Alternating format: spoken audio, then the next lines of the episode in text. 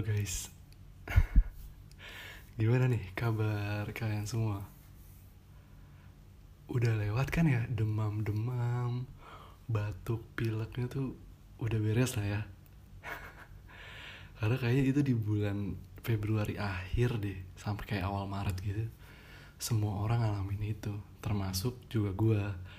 Dan itu tuh jadi alasan kenapa episode uh, istilahnya episode pertama kalau kemarin kan episode perkenalan ya. Nah ini tuh episode pertama dari cerita gue di Kala Gulana. Harusnya rilis tapi agak delay gitu. Dan delaynya tuh lumayan lama ya cuy. Hampir dua minggu lebih. Nah gue mau minta maaf banget delaynya lama karena ya itu tadi kayak gue ngerasain sakit yang ya kayak semua orang ngerasain dan itu gak enak banget cuy gue ngomong pun kayak suara gue tuh kedengaran gak enak dan batuk-batuk gak jelas gitu. Tapi alhamdulillah sekarang keadaannya udah membaik dan gue harap juga semua orang di luar sana juga bisa segera gitu ya dengan cepat memulihkan keadaannya gitu. Buat kalian juga nih yang dirasa kayak udah ngerasa nggak enak badan so mungkin bisa apa ya dikurangin gitu. Kalau untuk keluar rumah dan juga lebih banyak menghabiskan waktu di rumah merawat diri kalian masing-masing. Biar nggak jatuh sakit karena kalau udah jatuh sakit tuh repot guys itu ya semoga sehat-sehat lah ya untuk kita semua. Iya jadi gue kali ini tuh bakal mulai langsung untuk ngebacain cerita nih dari salah satu followers gue di Instagram. Dia nih udah lama banget ngirim ceritanya kayak udah hampir sebulan yang lalu dan sorry banget buat yang ngirimin cerita ini. Gue baru bisa bacain dan juga publish podcastnya tuh sekarang karena ya itu tadi ada beberapa kendala yang ya lumayan sulit lah gitu untuk dijelaskan. Nah, sebelum gue masuk dan juga bacain ceritanya buat kalian semua, gue mau ingetin sekali lagi buat kalian yang mau kirim cerita kalian tentang kehidupan, percintaan, ataupun tentang masalah yang sedang kalian alami, boleh banget kalian DM ke Instagram gue di @jarisubagja. Kalaupun ceritanya terlalu panjang, nanti gue akan hubungi kalian lewat WhatsApp untuk bisa menceritakan semua hal dengan detail. Agar semua cerita yang kalian sampaikan itu tidak ada yang terpotong dan kalian bisa menyampaikan dengan tenang. Begitu, jadi ayo buat kalian semua, gue mengajak untuk kita sama-sama mengekspresikan semua gunda gulana yang kita rasakan. Oke, kalau gitu gue bakal langsung mulai ke ceritanya aja kali ya. iya, seperti yang gue bilang, gue akan menyamarkan nama atau si pengirim nih dari orang yang sudah mengirimkan cerita ini. Oke, kali ini gue akan menyamarkan orang yang mengirim cerita ini dengan nama Lisa. Ya, Lisa ya. Nah, Oke, kita masuk ke ceritanya. Jadi, Lisa bilang di awal cerita kalau Lisa adalah seorang anak broken home. Yang bisa dibilang, Lisa ini sangat trauma akan hubungan yang merujuk pada ikatan antar dua manusia lawan jenis. Nah, suatu hari nih, kata Lisa, Lisa bertemu dengan seorang laki-laki yang kita panggil aja namanya Isal. Nah, Isal ini tuh pada awalnya memberikan first impression yang baik. Vibes yang dibawa pun selalu positif. Isal ini orangnya nggak neko-neko deh, dan sangat sederhana. Lisa ini dijadikan ratu. Jadi Isal treats Lisa ini like a queen gitu. Kayak mau apa-apa dibeliin. Sampai kayak pada saat waktu itu Lisa bilang dia sampai kayak sakit dan dibawa ke rumah sakit itu juga dijagain. Dan bahkan ya Isal ini orang yang nunggu dia di ruangan gitu sampai nantinya bisa dibawa pulang lagi.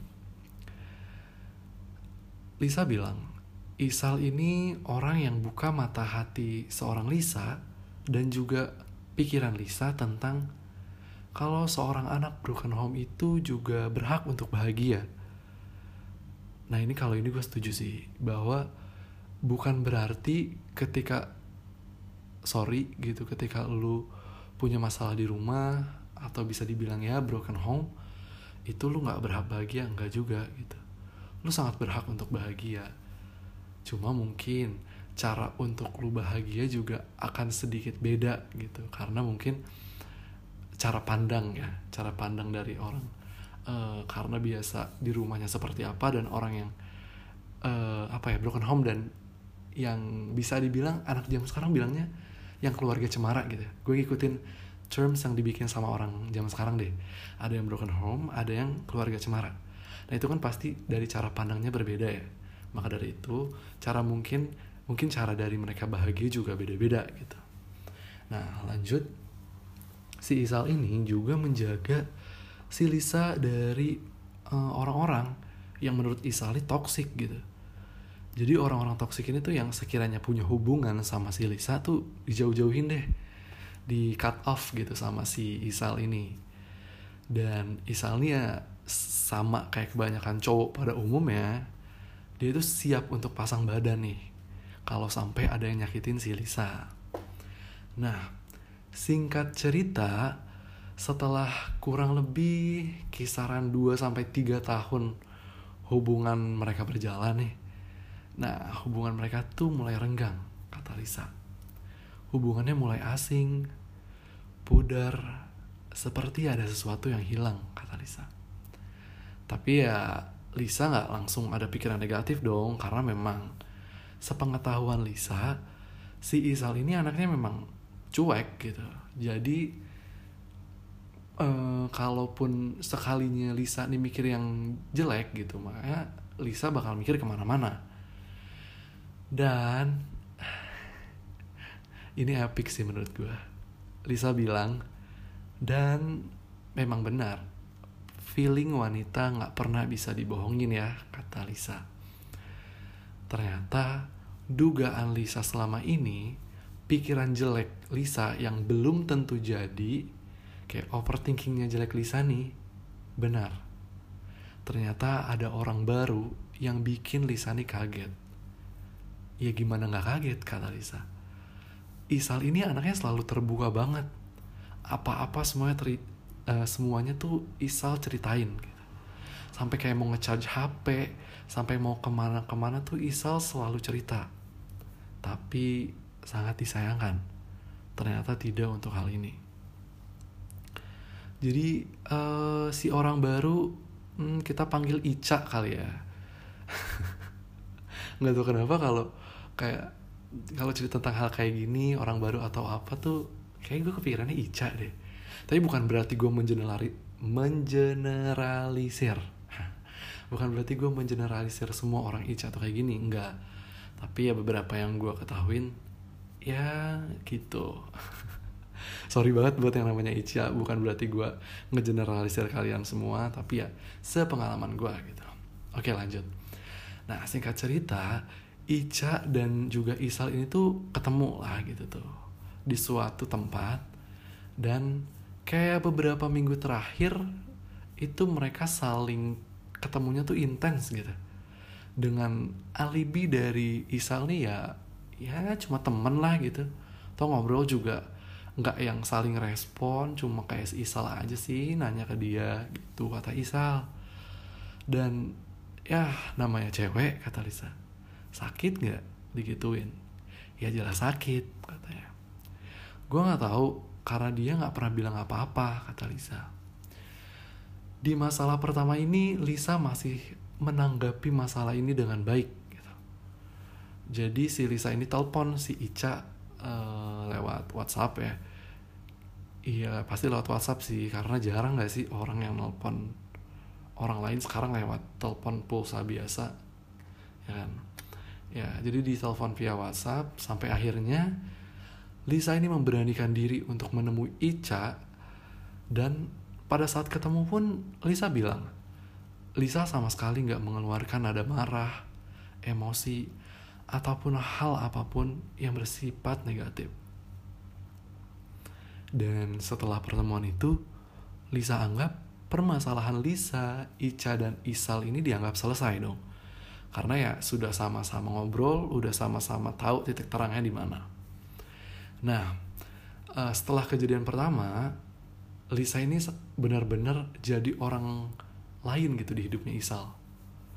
Isal nih jadi beda banget sama Lisa. Entah kenapa. Gitu. Isal nggak pernah ngasih kabar lagi. Isal benar-benar udah nggak peduliin Lisa lagi.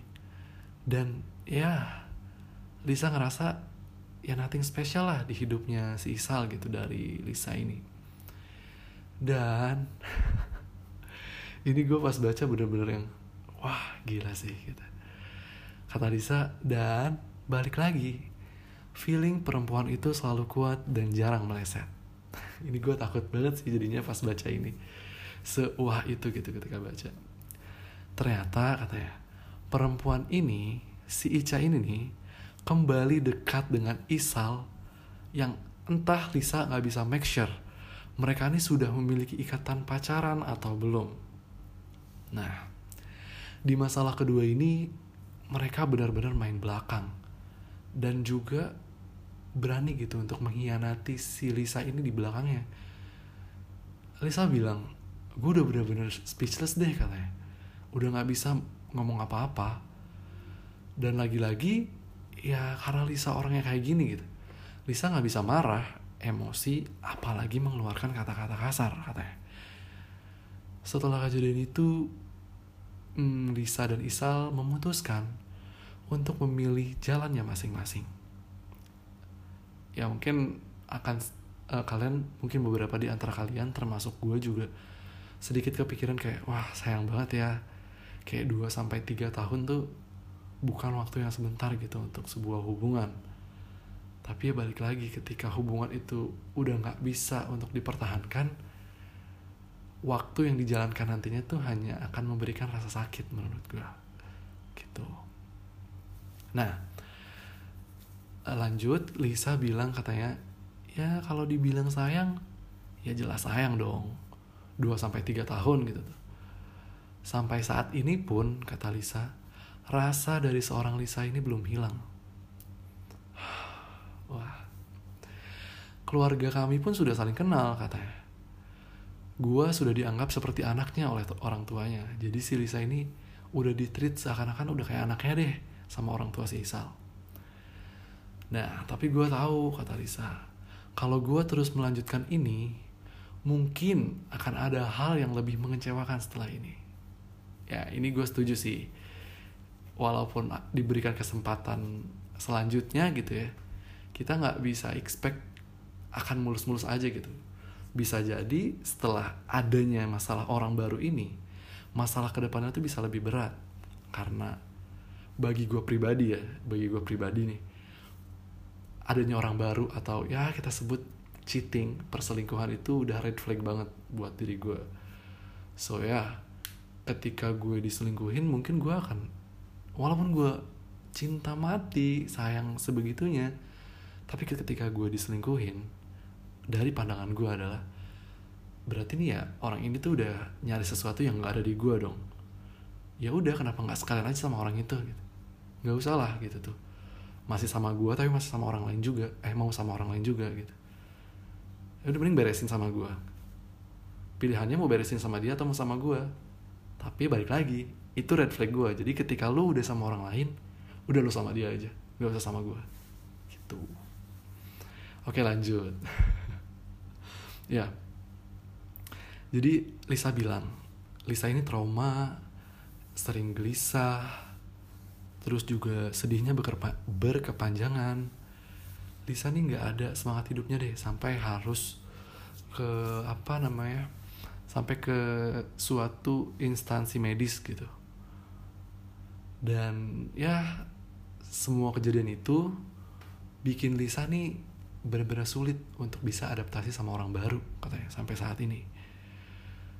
Lisa takut banget kejadian kemarin tuh terulang lagi terlebih katanya. Lisa ini kan anak yang broken home gitu. Nah Lisa takut trauma masa kecilnya ini selalu menghantui dia gitu. Seiring berjalannya waktu Lisa yakin katanya masa ini akan segera lewat. Lisa juga punya pesan untuk Isal. Jangan sakitin lagi seorang wanita lebih dari dia pas lagi nyakitin Lisa katanya. Wah ini dalam banget bro bener-bener yang ini ada cewek yang bisa setegar ini gitu. Dia bilang ke lo jangan sampai lo nyakitin cewek lain sama kayak waktu lo nyakitin dia. Kalau kata gue sih anjir. Harga diri lu udah jatuh sih bro gitu. Lanjut. Lisa juga berpesan katanya coba untuk belajar komitmen kata dia gitu nah selanjutnya katanya terlepas dari semua masalah itu Lisa nih mau berterima kasih banyak-banyak banget untuk seorang Isal jadi dari Isal Lisa belajar bahwa apa sih arti kesederhanaan itu Lisa diajarkan untuk tidak saling membenci antar sesama manusia oleh Isal. Isal juga mengajarkan untuk tidak boros dan juga mensupport si Lisa ini untuk meraih pendidikan setinggi mungkin. Begitu. Lisa juga berpesan, please katanya, jangan paksa gue buat sembuh cepet dari luka ini. Dan jangan paksa gue untuk bisa langsung menerima dan memaafkan berat sih emang cuma ketika gue baca kata-kata ini ya untuk Lisa ya akan sangat berat untuk menerima dan juga untuk sembuh dari luka ini. Dan menurut gue pun nggak ada deadline-nya gitu untuk lu bisa cepat-cepat sembuh gitu. Ini bukan lomba juga untuk siapa yang paling cepat sembuh dari luka ini gitu. Tapi ya gue harap lu bisa tiap hari dari hari ke harinya tuh semakin baik semakin baik gitu. Jangan sampai malah uh, sebaliknya gitu. Malah lo dari hari ke hari makin kepikiran makin down makin down. Itu gue nggak pengen kayak gitu. Dan untuk perihal menerima dan memaafkan itu balik lagi sih memang. Balik lagi ke Lisa. Cuma hakikatnya kita sebagai sesama manusia ya alangkah baiknya kita saling memaafkan gitu. Kita menerima kita memaafkan dan ke depannya mungkin seenggaknya dia mau ngelakuin apa pun kita udah nerima kita udah legowo gitu. Udah nggak ada lagi hal yang janggal di hati kita gitu. Nah jadi ada kata-kata terakhir nih. Ada pesan terakhir yang mungkin uh, pengen disampaikan gitu dari Lisa untuk teman-teman yang mendengarkan uh, Kala Gulana ini. Katanya Jar kalau gue boleh pesan katanya. Gini katanya gue tahu resiko mencintai adalah perihal sakit hati yang gue tunda katanya. Yang serius selalu mencari jalan untuk lanjut. Yang main-main akan selalu pergi tanpa rasa takut. Damn bro. Ini gue bacanya juga bener-bener cuy. Ini ke gue pun nyesek gitu. Bener kata Lisa gitu. Ya ketika kita mencintai seseorang, ya resikonya adalah kita menunda rasa sakit hati yang entah datangnya kapan. Walaupun kita nggak boleh gitu ngasih suujon kita ke ke pacar kita ke pasangan kita bahwa mereka akan nyakitin kita. Enggak. Tapi ada baiknya kalau kita prepare untuk sesuatu yang ya sesuatu yang buruk lah gitu di depan nanti gitu. Dan ya betul juga kata Lisa yang serius selalu mencari jalan untuk lanjut. Karena ketika pasangan kita tuh nggak serius sama kita istilahnya main-main pasti akan ada aja gitu tuh alasannya untuk pisah. Entah urusan apalah entah inilah itulah. Pokoknya pasti kalian juga ngerasain deh. Ada aja alasannya yang bikin ribut yang bikin ngerasa kalian gak betah deh gitu di hubungan itu. Dan katanya yang main-main akan selalu pergi tanpa rasa takut. Ya mereka pergi begitu aja gitu tuh tanpa memikirkan ini orang yang ditinggalin nih bakal kayak gimana? Gitu. Impactnya tuh wah bro gede banget loh gitu. Apa kalian gak mikirin itu? Apa kalian cuma mikirin diri kalian sendiri? Ya gitu gitu. Ya sekian cerita dari Lisa. Yang mau gue tanggepin adalah gimana ya permasalahan tentang adanya orang baru ini tuh bukan masalah sepele menurut gue makanya kenapa tadi di tengah gue bilang perselingkuhan menurut gue prinsip pribadi gue itu udah red flag banget buat gue dan ya gue juga pun punya pengalaman uh, diselingkuhin gitu. Walaupun alasannya tuh cuma ya baru teman biasa kok. Iya teman biasa tapi setelah putus dari gue beberapa hari kemudian jadian sama dia gitu ya ya itu apa bro? Gitu ya. Dan ya gue bilang tadi gitu ketika gue diselingkuhin ya pilihannya adalah ya udah lu sama dia aja gitu. Walaupun gue memaafkan rasa yang gue punya pun nantinya udah gak akan sama bro. Gitu. Dan sepengalaman gue gue nggak pernah maafin perselingkuhan sih. Gue nggak pernah sekalipun maafin selingkuh perselingkuhan gitu maksudnya tuh bukan maafin gimana ya? Bukan bukan maafin deh kata-katanya. Tapi eh kayak apa ya? Gue balik lagi gitu sama orang yang udah nyelingkuhin gue gitu. Enggak. Tapi gue gimana sih? Udah gue udah gue. Sorry banget guys. Iya jadi ketika gue diselingkuhin ya udah. Gue tahu lo pergi sama selingkuhan lo udah gak usah sama gue kita udahan gitu. Kita beresin cerita kita karena ya lo mau lanjutin apa lagi sama gue lu udah nyari sesuatu yang gak ada di gua dan itu ada di orang lain. Ya udah semoga kalian bahagia semoga kalian menemukan jalan kalian gitu. biarin gua dengan rasa sakit ini gitu. Biarin gua nanggung ini gitu. Gua uh, bukan orang yang percaya tentang karma sih sebenarnya. Karena ya di di ajaran agama gua tuh bukan karma sih sebutannya tapi ketika kalian melakukan hal kecil sekecil biji jarah pun biji jarah tuh apa ya? Ya pokoknya kalian eh, ketika melakukan hal baik sekecil apa pun maka maka akan dibalas gitu oleh Tuhan kita oleh Allah uh, dengan hal baik juga gitu. Dan sebaliknya ketika kalian melakukan hal yang jahat sekecil apa pun itu akan balik lagi ke kalian gitu. Kan kalau karma kan pasti dari orang lain atau apa gitu ya. Nah gue nggak percaya itu. Bukan nggak percaya sih nggak terlalu uh, setuju dengan itu gitu. Jadi biar biar Tuhan aja yang balas gitu. Biar ya udah gitu. Gitu. Ya kalau ngomongin perselingkuhan memang berat banget sih. Uh, gue sendiri punya beberapa teman gitu ya yang dibilang mereka tuh maafin loh. Mereka maafin orang yang udah nyelingkuhin mereka. Yang balik lagi menurut gue gila loh gitu. Yang bestie gue nih masih bisa nerima orang yang udah nyelingkuhin mereka gitu. Mereka maafin. Mereka balik lagi dan ngejalanin hubungan yang kayak kayak nothing's happen gitu. Kayak wow sekuat itu kalian bisa menerima lagi gitu.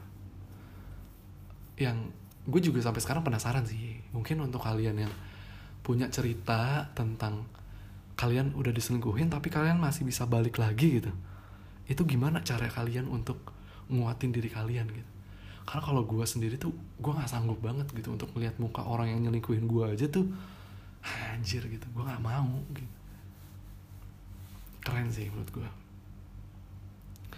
ya mungkin begitu aja sih cerita kali ini. Dan untuk Lisa pesan dari gue semoga Lisa bisa memulihkan luka ini dengan cepat Lisa dapat menemukan uh, seseorang.